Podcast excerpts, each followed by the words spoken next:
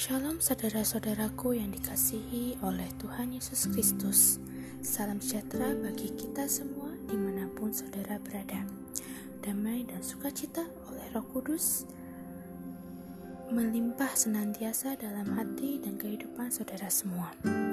Selamat datang di Alpha dan Omega Podcast. Perkenalkan saya Samra Tirsa yang akan membacakan baik itu ayat Alkitab, renungan, harian dari berbagai sumber dan segala motivasi menurut iman Kristen.